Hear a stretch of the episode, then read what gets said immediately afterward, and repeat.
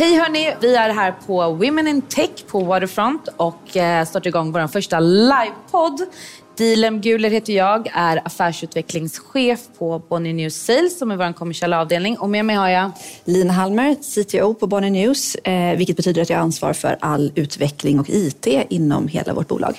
Och Cecilia Schramm, redaktionschef på Dagens Industri, jobbar mest med eh, frågor som rör digital tillväxt för hela DI-gruppen. Kul! Vi kör igång. Och så tänker jag så här, vi har jättemycket att prata om, men innan vi ens kan börja prata om någonting så känner jag att vi behöver belysa en ganska viktig grej. Och det är att du sitter här och är gravid. Det går ju inte att undgå någon. Och inte bara gravid, utan höggravid. Jag beräknar förlossning om exakt två veckor idag. Ja, stort. Bra.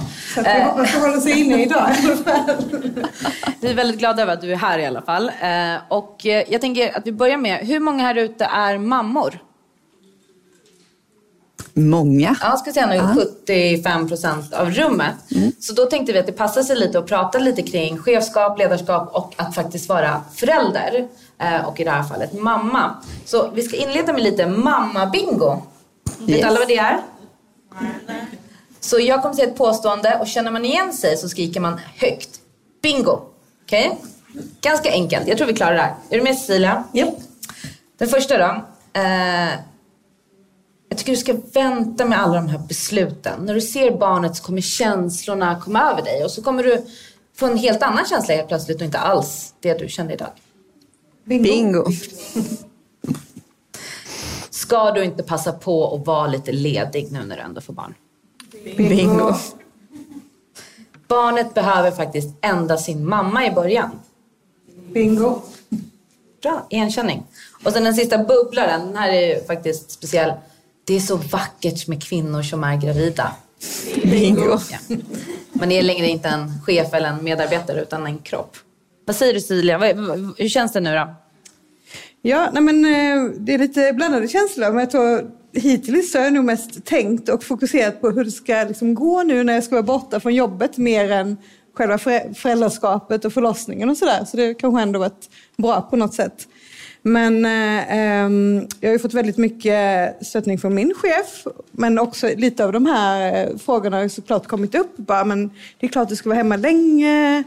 Och, så. och det är jättebra att man kan det och det finns de möjligheterna. Eh, men jag tycker också att man måste liksom försöka känna vad man tror är bäst för sig själv och också vara öppen för att det kommer att kunna ändra sig. Så tänker jag i alla fall. Men min plan nu är att jag kommer eh, föda barnet, vara hemma några veckor och sen jobba en dag i veckan eh, efter ett tag och sen vara hemma sex månader totalt och sen komma tillbaka. Men som sagt, det kan ju ändra sig. Sägs det i alla fall. och vem är mest stressad skulle du säga över situationen? Du eller din chef? Eh, jag definitivt och det är samma med mitt team. Liksom. Jag har fullt förtroende för dem. Jag tror de kommer sköta det jättebra. Så det är egentligen jag som är så här mest nervös för att vara borta och liksom inte ha koll på läget och kunna vara där och så.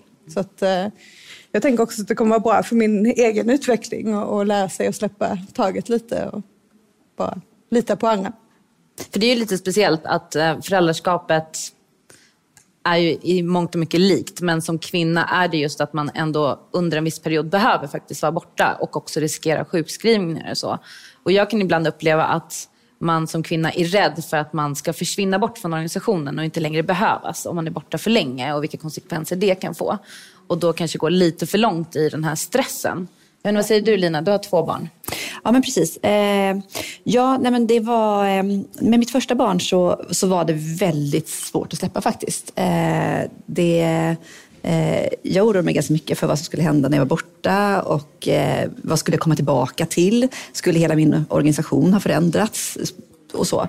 Eh, med mitt andra barn så var jag faktiskt konsult, vilket gjorde det mycket lättare för då avslutade jag ett konsultuppdrag och sen så kunde jag påbörja ett annat konsultuppdrag.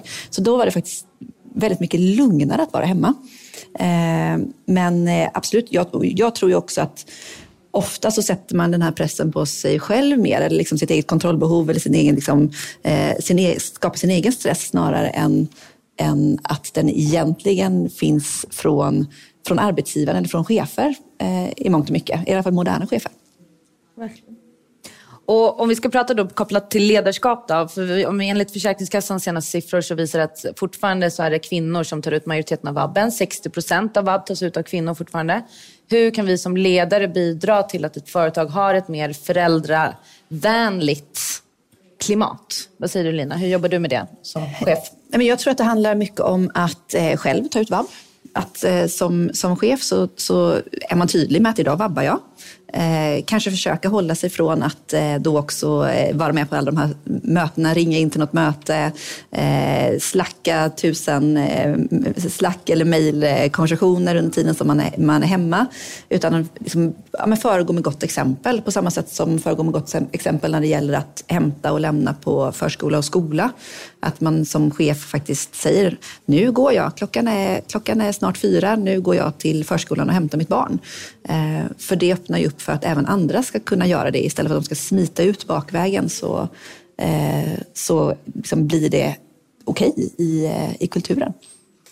Så verkligen det är helt avgörande liksom, som arbetsgivare om man ska attrahera rätt personer. Att man liksom, inte bara att det finns möjlighet utan man också är flexibel för den enskilda mm. individens eh, eh, behov. Liksom. Alla har ju det olika och vill ha det på olika sätt. Och jag tycker att det är allt oftare när man har anställningsintervjuer och så som folk faktiskt ställer det kravet i princip. Liksom att men jag har små barn, det måste funka med den här rollen, gör det det?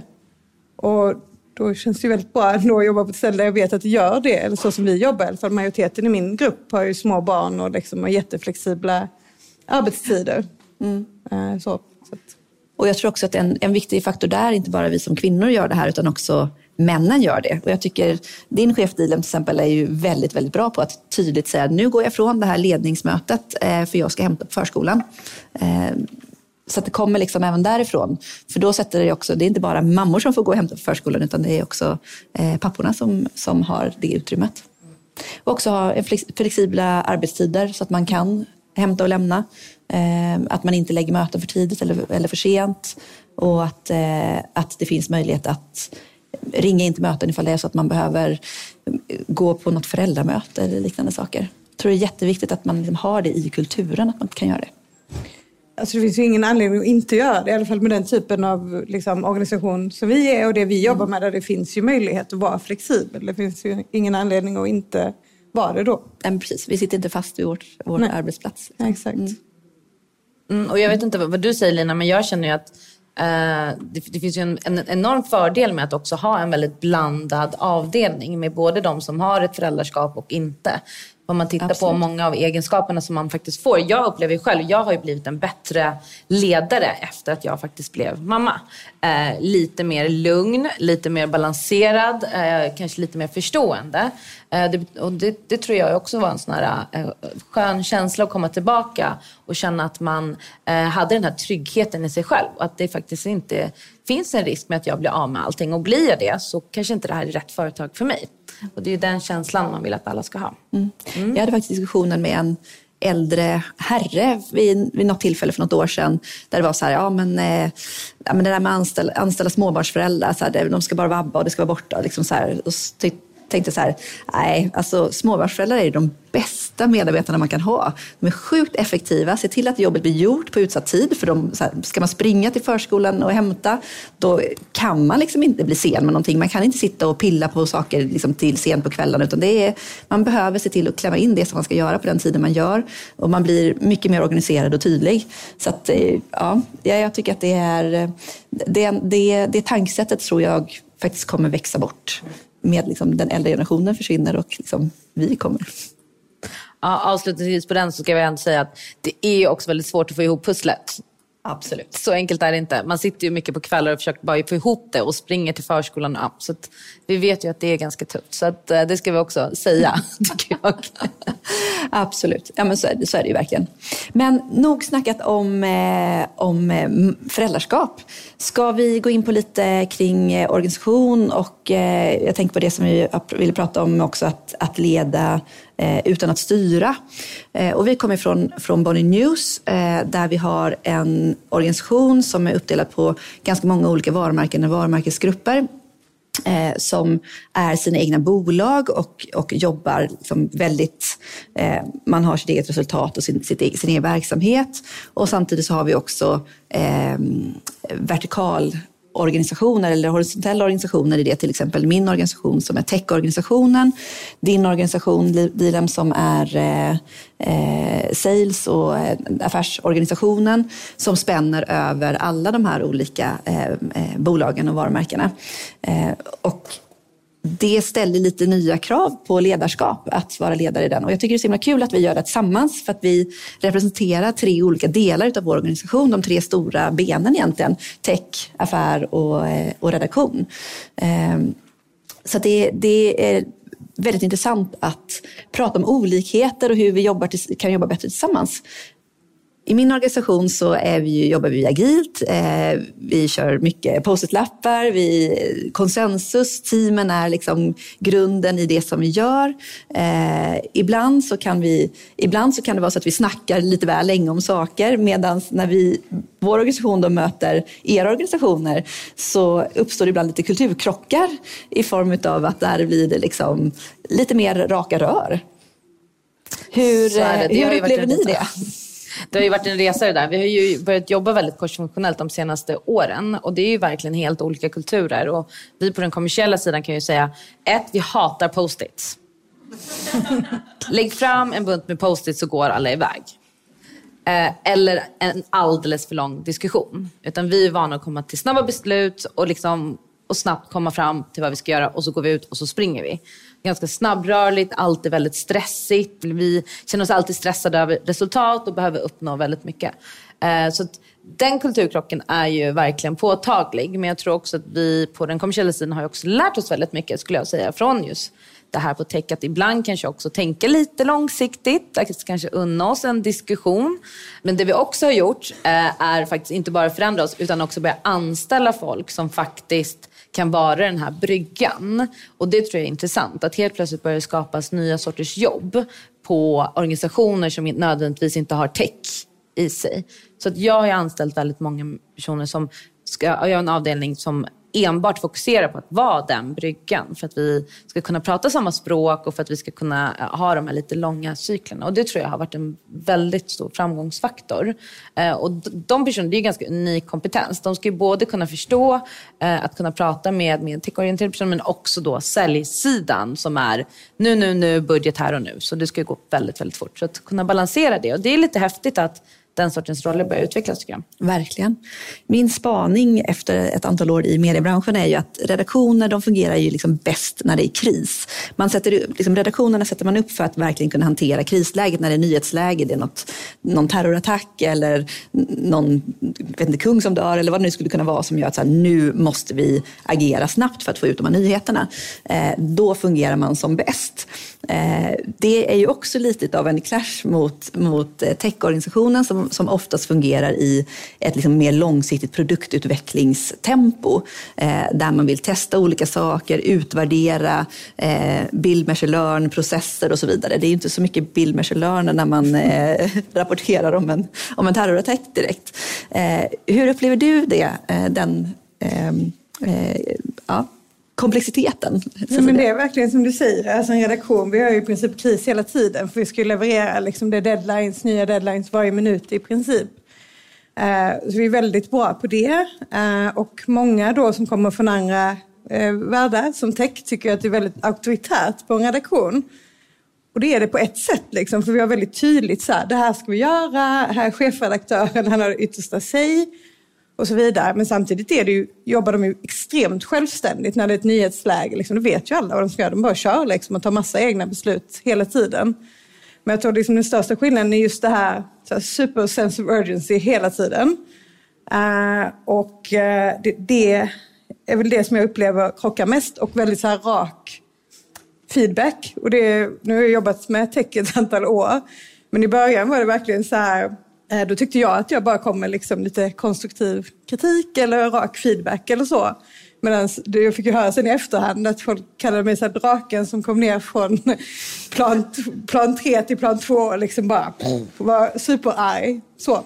Så att, men jag tror verkligen under de här senaste åren att vi har mött varandra och som Dilan var inne på att vi verkligen har lärt av varandra tagit det bästa för de olika värdena. För vi har också eh, redaktionellt haft ett stort behov av att kunna Eh, liksom för att kunna driva ett förändringsarbete, kunna arbeta på ett mer strukturerat sätt och inte bara gå på magkänsla och så.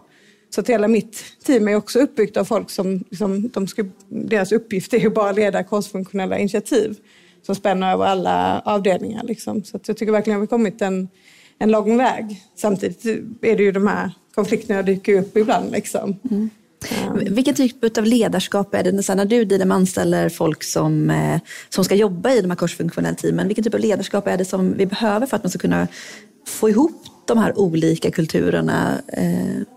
Jag tror att Dels behöver man ju hitta andra sorters personer. Så man, man behöver ju se över hela sin rekryteringsprocess tror jag och inte leta efter samma personer som man har gjort de senaste 40 åren. Man behöver titta på väldigt mycket eh, människor som eh, kanske inte har kompetensen men som har rätt bakgrund eller rätt inställning. Det tycker jag är väldigt viktigt så att man inte fastnar i, jag behöver någon som jobbar med analys, det måste vara en analytiker.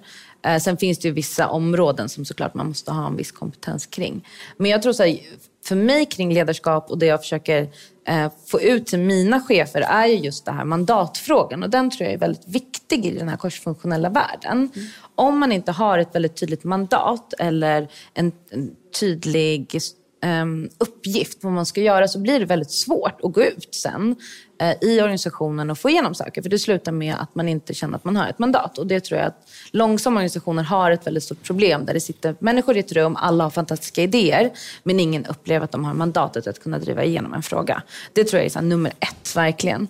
Den andra är, det räcker inte bara med dig, för dig som chef att säga att du har mandatet. Du måste också säkerställa att det är förankrat i resten av organisationen. Det upplever jag är nästa problem. Att folk, upp, när de väl upplever att de har mandatet så är det ingen annan som köper in på det. Så då sitter man i möten och man försöker få igenom saker men man blir äh, ett, man blir, i värsta fall kanske man inte ens blir bjuden in på det mötet. Äh, men sen när man väl sitter där så har man egentligen, ingen annan har förstått att du har mandat. Så då måste jag som chef se till att organisationen förstår vad den här rollen betyder, varför den finns och hur vi som organisation förväntar oss att den här rollen ska fungera. Och sen egentligen det sista, när du ger någon väldigt mycket mandat och du har säkerställt att den har de rätta förutsättningarna i organisationen, så backa den personen till 100%, för annars vågar folk inte göra fel. Och det är det som händer hela tiden. Man märker de här clasharna eller folk går för snabbt eller det funkar inte. Och då måste man känna den här psykologiska tryggheten i att jag som chef backar dig eh, och alltid kommer göra det. För om vi har en organisation där folk inte vågar göra fel eller tar lite för snabba beslut eller inte tar några beslut alls så kommer vi aldrig lyckas. Så det tror jag är liksom receptet på det. Eh, och, och också då också att man måste ha respekt för varandra. Jag tror att det är också superviktigt att inte vara orolig. Ibland upplever jag i korsfunktionella arbeten att folk känner sig lite hotade och det är det jag tror att man behöver få bort. Mm. Att det här handlar inte om att någon ska försöka ta någon annans roll utan att man kan se att man, att eh, alla har någonting att tillföra. Vad säger du Cecilia? Nej, men jag håller med. Och jag tror också alltså de personer som jag försöker hitta är, det är ganska egentligen mjuka personer. Alltså det är inte längre det här du kan liksom peka med hela handen och berätta för folk vad de ska göra. Utan det viktigaste är ju att man är en, en person som har förmågan att få med sig andra liksom, och få igång andra. Det är det som är det viktiga. Inte att man kan liksom...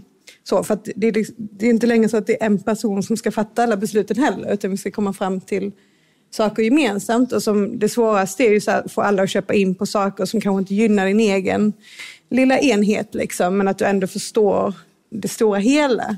Så det tror jag liksom är liksom det största, alltså för oss som ledare, då, verkligen så här, kunna sätta en tydlig riktning som alla kan köpa in på och som gör att man sen kan fatta de här mindre besluten trots att det kanske slår mot min budget den här månaden. Det, det tycker jag är den stora utmaningen. Ja, men och där handlar det också om att, eh, att särskilja lite grann på personalansvarsbiten som chef och ledarskapsbiten. För du kan vara en fantastisk ledare, få med dig jättemycket folk, få otroligt mycket gjort utan att behöva ha personalansvaret för någon. Och jag tror det är det som är viktigt i den här typen av organisation som vi har, att vi hittar ledare som inte behöver använda sitt mandat som personalansvarig för att få igenom saker utan att man kan träffas i de här grupperna där man faktiskt inte är chef för någon egentligen eh, och liksom tydligt driva eh, arbetet framåt. Där, tror jag att man, där har vi nog eh, mycket att lära från tech där man jobbar med fler olika lager av ledarskap vanligast eh, traditionella bolag så har man i princip en trappa att du är specialist eh, och sen är du duktig och för att du ska egentligen få upp din lön i princip eller känna att du utvecklas så får du bli en chef. Och då är det personalansvar, så att det är målet. Men då måste vi som företag faktiskt skapa fler led för att du ska ha möjlighet att kunna utvecklas personligt men också få upp din lön faktiskt. För det är också väldigt viktigt. Eh, och om man vill behålla folk måste man också ha en tydlig lönetrappa. Och det tror jag är väldigt svårt eh, att lyckas med det. För det är ju verkligen så, om man tar den bästa fotbollsspelaren som får bli eh, kapten eller tränare, man tar den bästa säljaren som får bli försäljningschef. Men det är kanske inte det som är det självklara. Men fråga till dig då. Men, hur är det med mandatet då? då? Eh, är, det allt, har du alltid mandat när du är chef? Eller kan du ha det som ledare också? Och är det så självklart tycker du överlag? Nej, men jag, ty jag tycker att det är viktigt att, eh, att, du inte behöver, att du inte behöver vara chef för att ha mandatet. Utan att vi faktiskt ger mandat till de som är ledare i våra organisationer. De som, de som är de tydliga ledarfigurerna som faktiskt vill göra nya saker, som vill driva, driva, att vi backar upp dem. För jag tror att det är då som vi kan faktiskt skapa den här organisationen där vi inte behöver eh, sätta liksom, personalansvar som nästa karriärsteg. Eh, och vi kan skapa helt, helt nya andra typer av roller där du är superduktig på att vara specialist och liksom bli ännu mer nischad inom detta eller eh, så utan att du behöver eh, eh, styra andra. Du leder utan att styra helt enkelt på det sättet. Jag tror att det är otroligt viktigt. Och jag funderar också ganska mycket i min organisation på just nu kring det vi kallar, med, kallar för promotion eller liksom så här, hur vi befordrar folk. För vi pratar mycket om att vi ska rekrytera fler kvinnor inom tech. Vi vill ha in kvinnorna hos oss. Och sen så liksom när, vi börjar, när vi börjar lyckas med det så pratar vi om hur ska vi få kvinnor att, liksom, att, att promote, promotion, liksom, så här, hur ska vi eh, få upp dem i, i hierarkin? Eh, vilket ofta gör att eller jag upplever i alla fall i min organisation och många organisationer som jag varit i tidigare, att det kommer in mycket utvecklartjejer, eh, vi rekryterar dem och sen så gör vi om dem till projektledare, eh, produktägare, chefer och så vidare. Eh, för att det är så som vi, så här, nu ska vi minsann se till att vi har kvinnliga chefer också. Men vi saknar kvinnliga liksom, seniora utvecklare, arkitekter, eh, liksom, DevOps-specialister. Liksom, alla de här tunga techrollerna där har vi inga kvinnor nu. Och det är, liksom, det är ett stort problem tycker jag, att vi ser karriärstrappan så eh, eh endimensionellt som den är. Och där tror jag det handlar jättemycket om att bygga den här typen av liksom, inofficiellt ledarskap eller liksom, eh, ja, ledarskap utan personalansvar. Eller liksom så, för då kan vi också ser vi det, eller bygger vi det, och då kan vi också se och ge belöning för det arbetet. Vilket gör att vi inte, för att belöna kvinnor, behöver göra dem till chefer eller göra dem till eh, eh, produktägare eller liksom icke-tekniska roller. Och jag tror att det, det är nog en av de viktigaste sakerna som jag försöker jobba med när jag jobbar med team, att inte spontant plocka kvinnor till den här typen av roller utan faktiskt tänka efter. Så här, nej, jag ska inte, bara för att hon tar ansvar för, för mycket saker i teamet så ska jag inte liksom ta bort henne från tekniken. Eh. Mellanchefs mammarollen liksom egentligen. Ja men precis. Vi har ju så här, Svenskt Näringslivs eh, senaste rapport visar ju på att 37 procent av alla chefer ute i närings, Svenskt Näringsliv är kvinnor. 46 procent är mellanchefer och 19 procent är vd. Så det är ju väldigt vanligt att just kvinnor hamnar i mellanchefsledet och det är ju väldigt speciellt. Men så, ni på redaktionen är ganska bra på att ha de här uh, olika chefsleden. Visst är det så? Jo, nej, men jag tycker det. Sen, alltså, vi har ju exakt i grunden samma problematik. Så här. Du är en jättebra reporter, ja, då blir du nyhetschef. Och det har ju gått åt helvete massa gånger. För att, liksom bara för att någon är jättebra på att skriva och har sina källor och allting. Helt värdelös med personal liksom. Och så. Så att vi jobbar ju också precis som det som ni är inne på, att man måste verkligen hitta andra sätt att lyfta folk.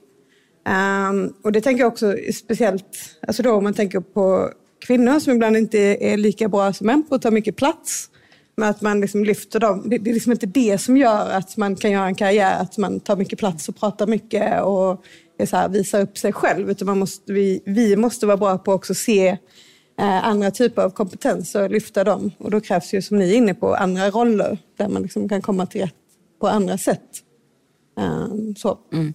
För det är väl också, det finns ju många undersökningar som visar till exempel att kvinnor blir bedömda hårdare än män. Det är också känslan ibland som jag har att du måste bli en chef som kvinna för att du ska känna att du får ta platsen. Men att du som man har mycket enklare att bli en informell ledare i olika forum. Och det är också någonting man behöver jobba med. Eh, liksom balansen i mötesrummet och vem som faktiskt pratar mest eller driver saker. Eh, och den är ju lite svår. Verkligen. Har ni testat någon av de här apparna som finns för att mäta sådana saker? Jag har gjort det på något möte, det var ju hemskt. Alltså resultatet, verkligen. Så, Vet alla vad det är? Det finns några appar som, eh, som detekterar om det är en manlig eller en kvinnlig eh, röst. Det är också Ja, jag vet inte riktigt hur det går till. Men då kan man titta på om, eh, om det är flest män eller kvinnor som faktiskt pratar i mötet.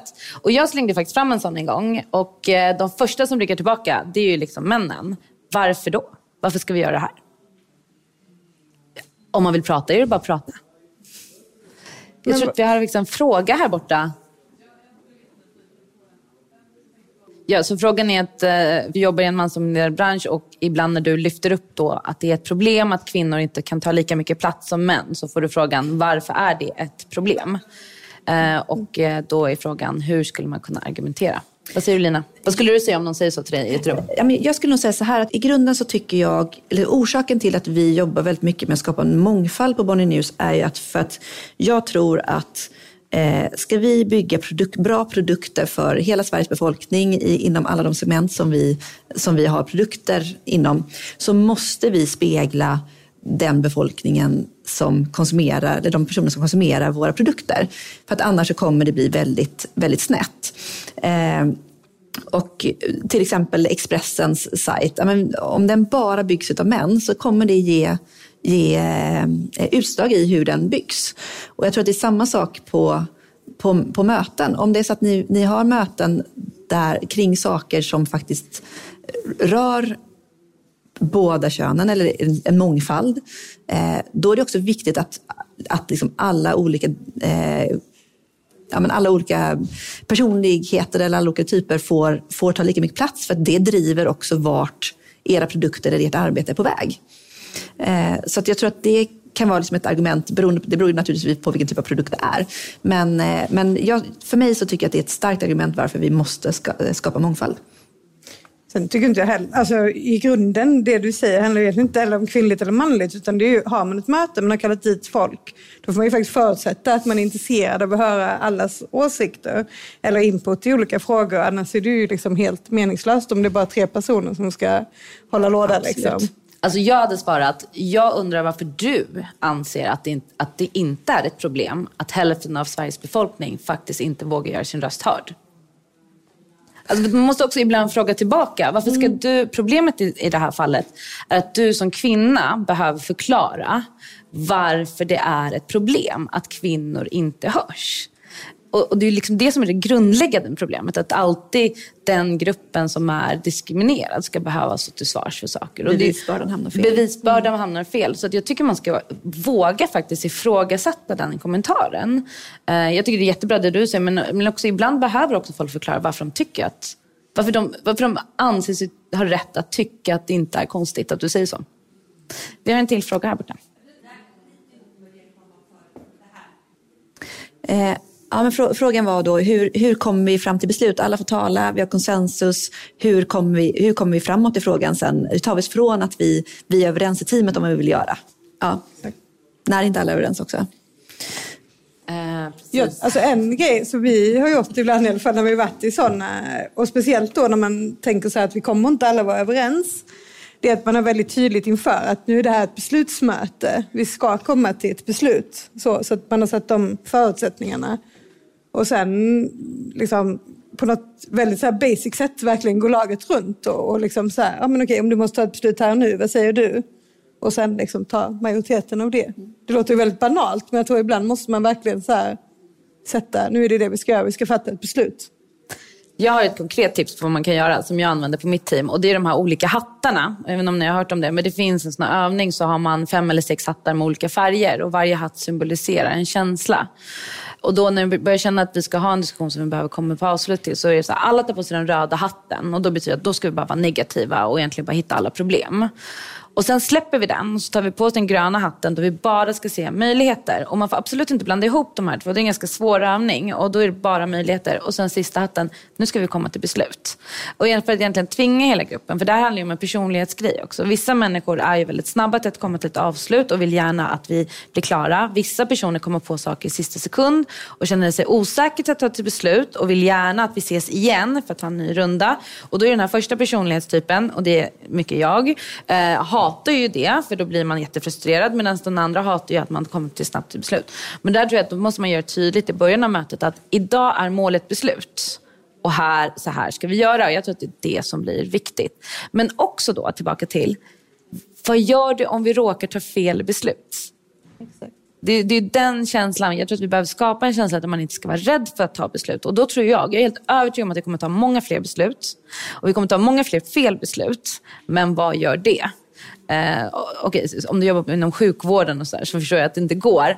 Men jag menar om vi jobbar i de branscherna som jag tror att många av oss representerar så finns det väldigt mycket fler beslut vi kan ta utan att det faktiskt eh, får så allvarliga konsekvenser. Men hattarna, det skulle jag rekommendera. Testa det. Bra, tips. Bra knep där. Mm. För att hänga på det tror jag också så här, just att man bryter ner grejer. Att man inte så här, sparar allt till ett jättebeslut. Så här, nu ska vi bestämma hela framtiden liksom, för företaget. Utan verkligen så här, bryta ner det i små delar. För då känns det lite mer lätt överkomligt. Och som Dilan är inne på, ja, det kanske inte är hela världen då. Om man råkar ta fel beslut så kan man alltid backa. Liksom.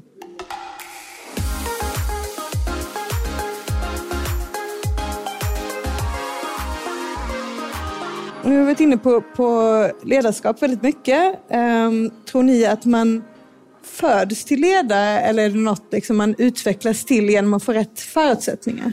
Vad säger du, Lena? Um. Ja, jag kan bara utgå från mig själv. Jag, när jag eh, var liten så var det första som jag ville, ville bli när jag blev stor var att jag skulle bli världsmästare i längdhopp. Eh, och efter det så var drömmen att jag skulle bli chef. Eh, så att jag har ju liksom varit, så här, jag har ju haft den här, tank, liksom det här, den här önskan väldigt länge. Jag är, älskar att organisera saker, optimera.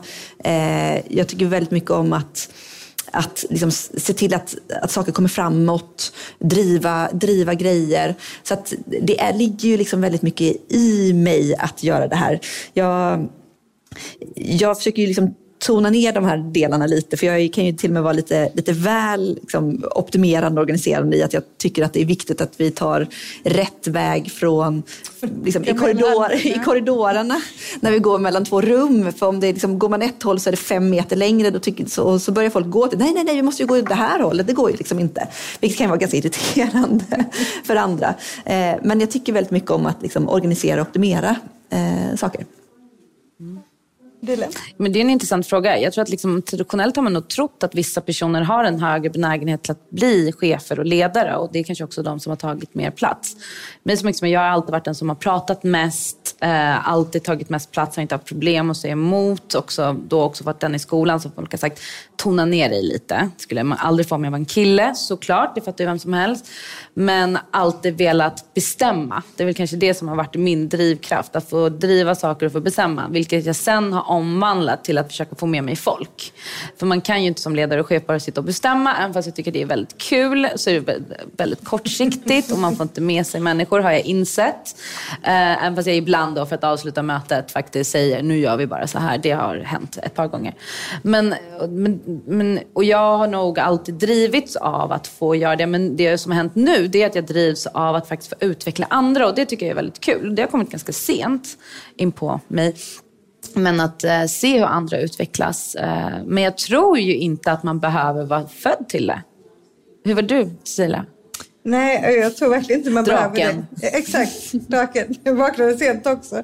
Nej, men jag hade aldrig liksom några sådana tankar eller ambitioner eller så när jag var mindre. Men jag tror liksom min kanske väg in i det. Jag har varit hästtjej och hållit på med hästhoppning och tävlat så. Jag tror att man och det finns en massa undersökningar kring det också, men att man läser väldigt mycket om ledarskap då, för man har ett extremt stort djur. Du kan liksom inte tvinga den till att göra någonting, hur mycket mandat den skulle ha. Utan du måste verkligen vinna förtroendet och, och vara supertydlig med vad det är du vill liksom. Och visa det. Så, att, um, så det är väl liksom min bakgrund så, men sen ja, har jag ju journalist från början och ekonom och skrivit aktietips och tyckte det var superkul. Men jag tror att mitt intresse sen för det här väcktes av att man såg grejer som, men så här skulle jag vilja utveckla, eller man såg liksom grejer som skulle kunna göras. Och, och då blev det på något sätt att man börjar gå in på den vägen och sen som du säger, liksom, ja, men hur ska vi göra det? Ja, men vi måste ju alla liksom, så gemensamt vilja göra det här och så vidare. Så att jag tror eh, verkligen att man kan utvecklas till det och jag tror, eh, för mig har det varit extremt viktigt att ha personer som, som tror på mig och som du var inne på tidigare, Backaren och liksom hjälper en. Samtidigt tror jag också att man verkligen måste hitta sin egen väg och gå på massa miner som jag har gjort liksom i, när man hanterar andra människor och, och hitta liksom sitt eget ledarskap. För jag tror inte det finns liksom en, ett ledarskap som är det ultimata. Liksom, utan man måste lite utgå från sig själv och sen också kunna anpassa det till, beroende på vilken grupp man har. För jag tycker det är extremt olika eh, från liksom person till person hur man ska bemöta dem och hur man kan utveckla dem på bästa sätt. Liksom. Det tror jag är liksom min största lärdom genom åren, liksom, att man verkligen måste anpassa sig och inte så här, köra på på sin egen linje. Tror, tror ni att man måste eh, ha ett genuint intresse för andra människor för att bli en bra ledare? Eller kan man, eh, kan man göra det även om man inte tycker att det är superhärligt att, eh, att eh, engagera sig i andra? Det finns ju de som säger att de högsta cheferna är psykopater. Jag menar, har ni läst det? För att de klarar av att liksom ha det här, vara väldigt sociala men också klarar av att inte bli för emotionella i sitt ledarskap. Jag vet inte om jag tror på det riktigt. Men jag tror många kan fake it, men jag tror inte att man får en väldigt produktiv grupp. Jag tror att det blir väldigt egocentriskt ledarskap, tror jag, om man inte bryr sig om sin grupp, skulle jag säga. Jag tror verkligen det också. Liksom, det handlar ju någonstans ändå, alltså i grunden är allting så att vi måste göra saker tillsammans. Så det blir väldigt svårt att göra det om man skiter i alla andra och bara bryr sig om sig själv. Eh, så. Sen som sagt tror jag att det finns olika typer av ledarskap. Coolt.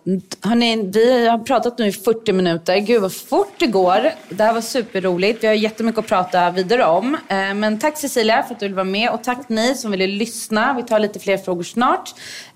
Och tack Lina, det här var jätteroligt. Tack Dina, verkligen kul. Och som konklusion är egentligen att, då, att de som vi ska anställa är småbarnsföräldrar och hästtjejer. Precis. Snyggt. Bra. Bra sammanfattat. Tack hörni. Tack.